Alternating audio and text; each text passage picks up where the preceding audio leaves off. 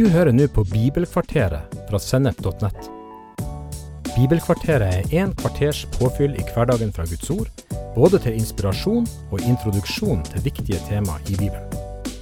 Du vil også finne mer stoff på Sennep.nett som gir deg inspirasjon til å følge Jesus i hverdagen.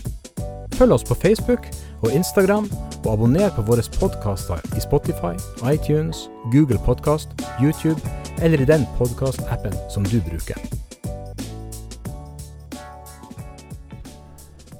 Skulle du ønske at alle omstendighetene rundt deg burde ha vært annerledes?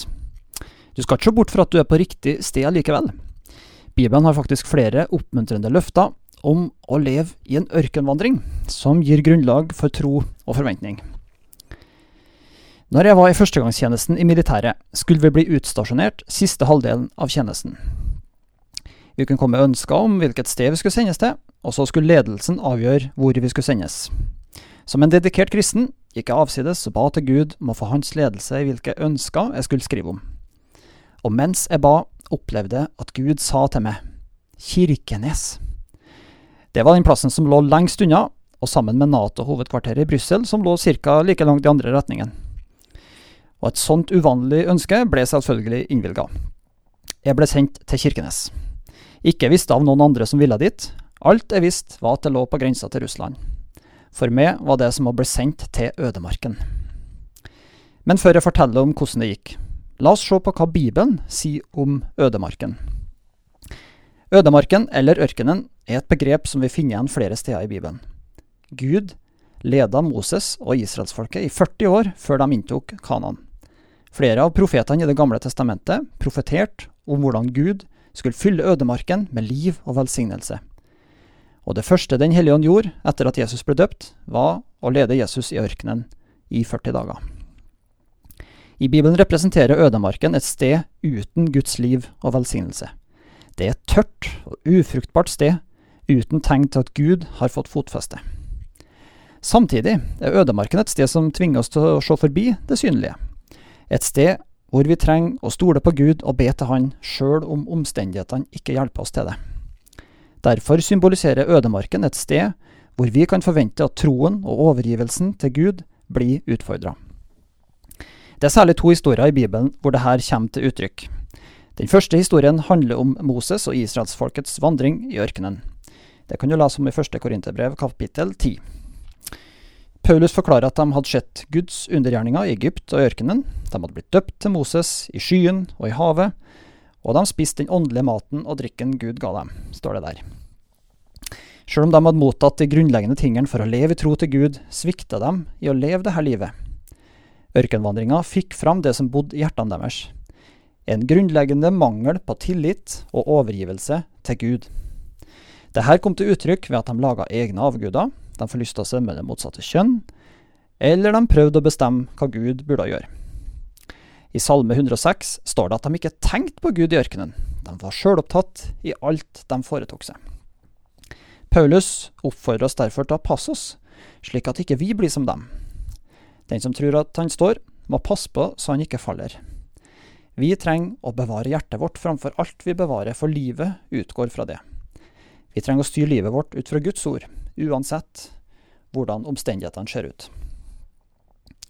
Den andre historien, hvor ødemarken spiller en sentral rolle, er der Jesus ble frista av djevelen. Det kan vi lese om i tre av evangeliene, i Matteus 4, Markus 1 og Lukas 4. Det første vi kan legge merke til i denne historien, er at det er Ånden som leder Jesus ut i ørkenen. På samme måte kan vi forvente at Gud tar oss inn i livsfaser hvor troen vår får bryna seg på nye situasjoner og utfordringer. Ifølge 1. Peters brev kapittel 1 er vår tro og overgivelse mer dyrebar for Gud enn noe annet. Dersom den står gjennom alle omstendigheter vi møter, vil det være et fantastisk vitnesbyrd både for Gud og for oss den dagen Jesus åpenbarer seg igjen. I Lukasevangeliet står det at djevelen frista Jesus på alle måter. Derfor kan vi anta at de tre hendelsene som er beskrevet i alle tre evangeliene, representerer ulike sider av det å bli utsatt for fristelse i ødemarken.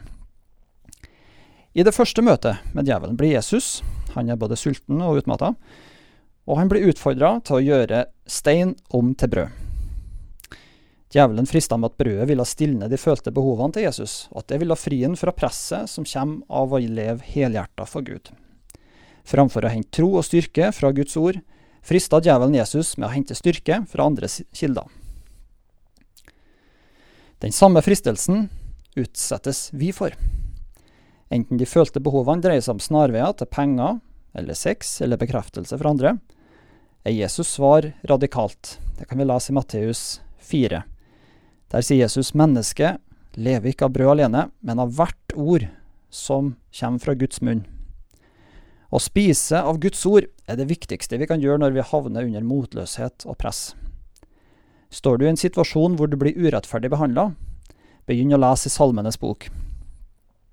Føler du deg liten og fordømt, les Romerbrevet i kapittel 8. Eller har Jesus blitt eh, ubetydelig og nedprioritert i livet ditt? Begynn å lese Johannes-evangeliet. Eller lengter du etter at Jesus skal se din fortvilelse og din vanskelige situasjon?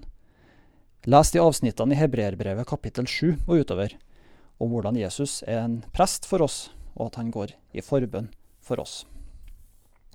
Mister vi næringa fra Guds ord, er veien kort til at kristenlivet bare blir en fasade vi stiller opp i møte med andre mennesker.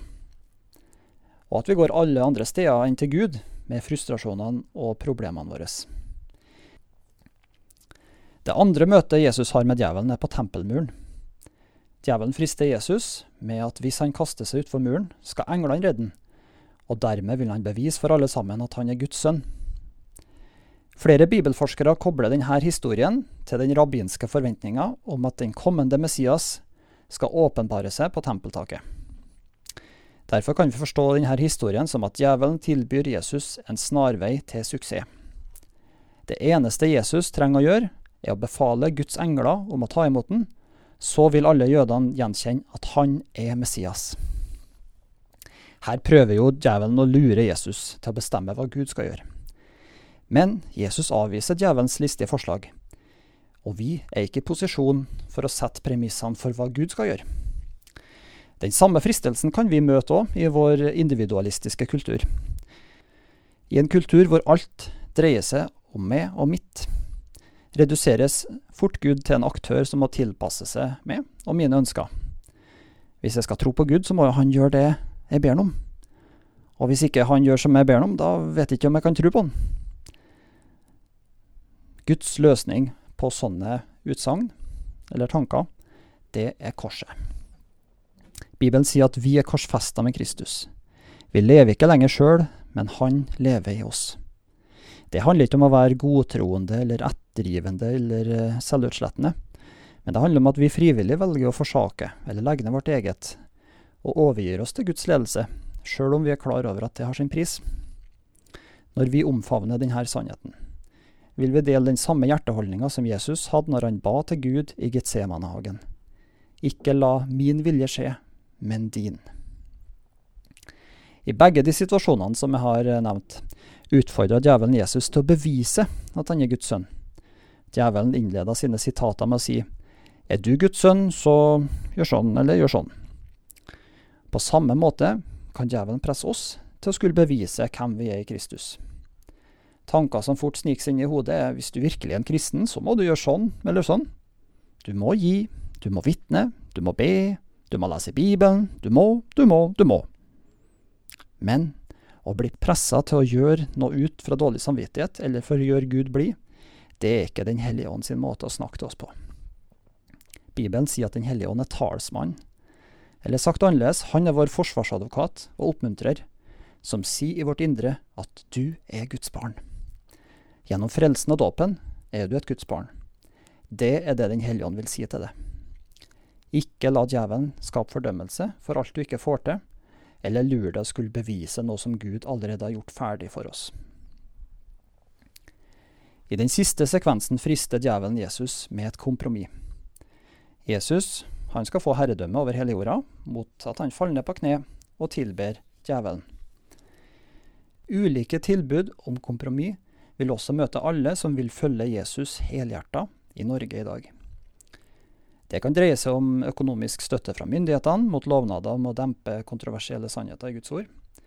Eller det kan handle om å få jobbtilbud i høye posisjoner mot å ha de riktige meningene. Som Jesus så må vi avvise sånne forslag. Vi kan ikke selge vekk vår integritet eller vår overbevisning når Jesus allerede har kjøpt oss ved sitt blod på korset. Hva står vi igjen med da?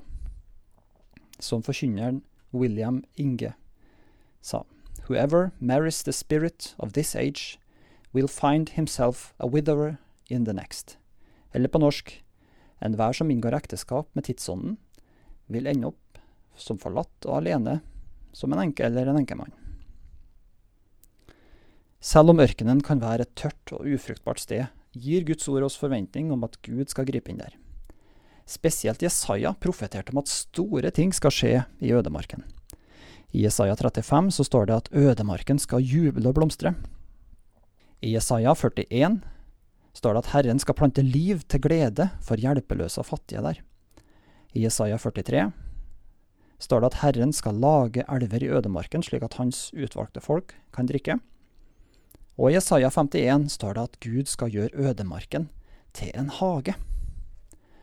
Ødemarken er derfor å anse som et midlertidig sted for oss, i påvente av at Guds liv skal bryte fram. Jesus var i ødemarken i 40 dager, inntil djevelen var ferdig med å teste troa hans. Israelsfolket var i ødemarken i 40 år, inntil en ny generasjon var klar til å innta løfteslandet i tro til Gud. Utstasjoneringa i Kirkenes det ble ingen ødemark for min del. Jeg fikk erfaring med å se mennesker både helbreda, frelst og døpt mens jeg var der, og jeg fikk knytta nye og sterke vennskap i løpet av de månedene jeg var der, som betyr mye for meg personlig.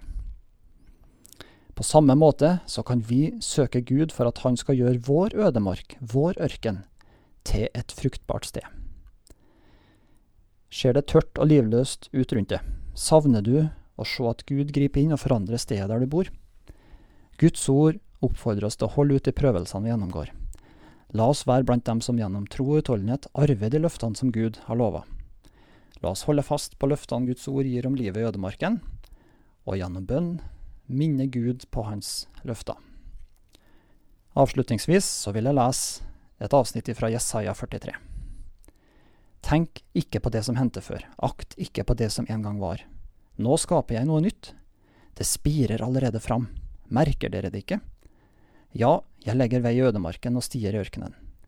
Markens dyr skal lære meg, både sjakaler og strutser, for jeg gir vann i ødemarken og lar elver renne i ørkenen, så mitt utvalgte folk kan få drikke. Det folket jeg har dannet meg, skal forkynne min pris.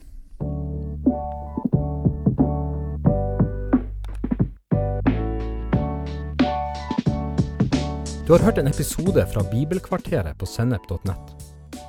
Du vil også finne mer stoff på sennep.nett som gir deg inspirasjon til å følge Jesus i hverdagen.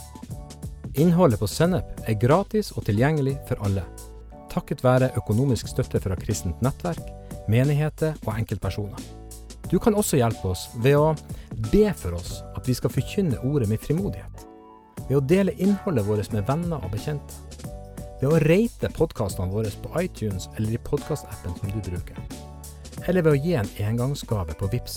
VIPS nummer 546668. VIPS nummer 546668. Takk for at du lytter til sennep.nett.